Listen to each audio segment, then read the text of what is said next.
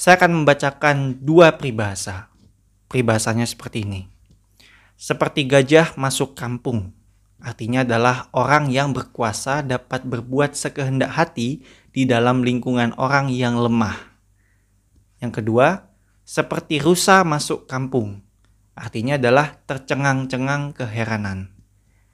Masalahnya, kenapa kalau gajah masuk kampung dia diibaratkan sebagai makhluk yang berkuasa, sedangkan kalau rusa masuk kampung dia diibaratkan sedang tercengang keheranan? Padahal mereka berdua masuk kampung karena habitatnya rusak.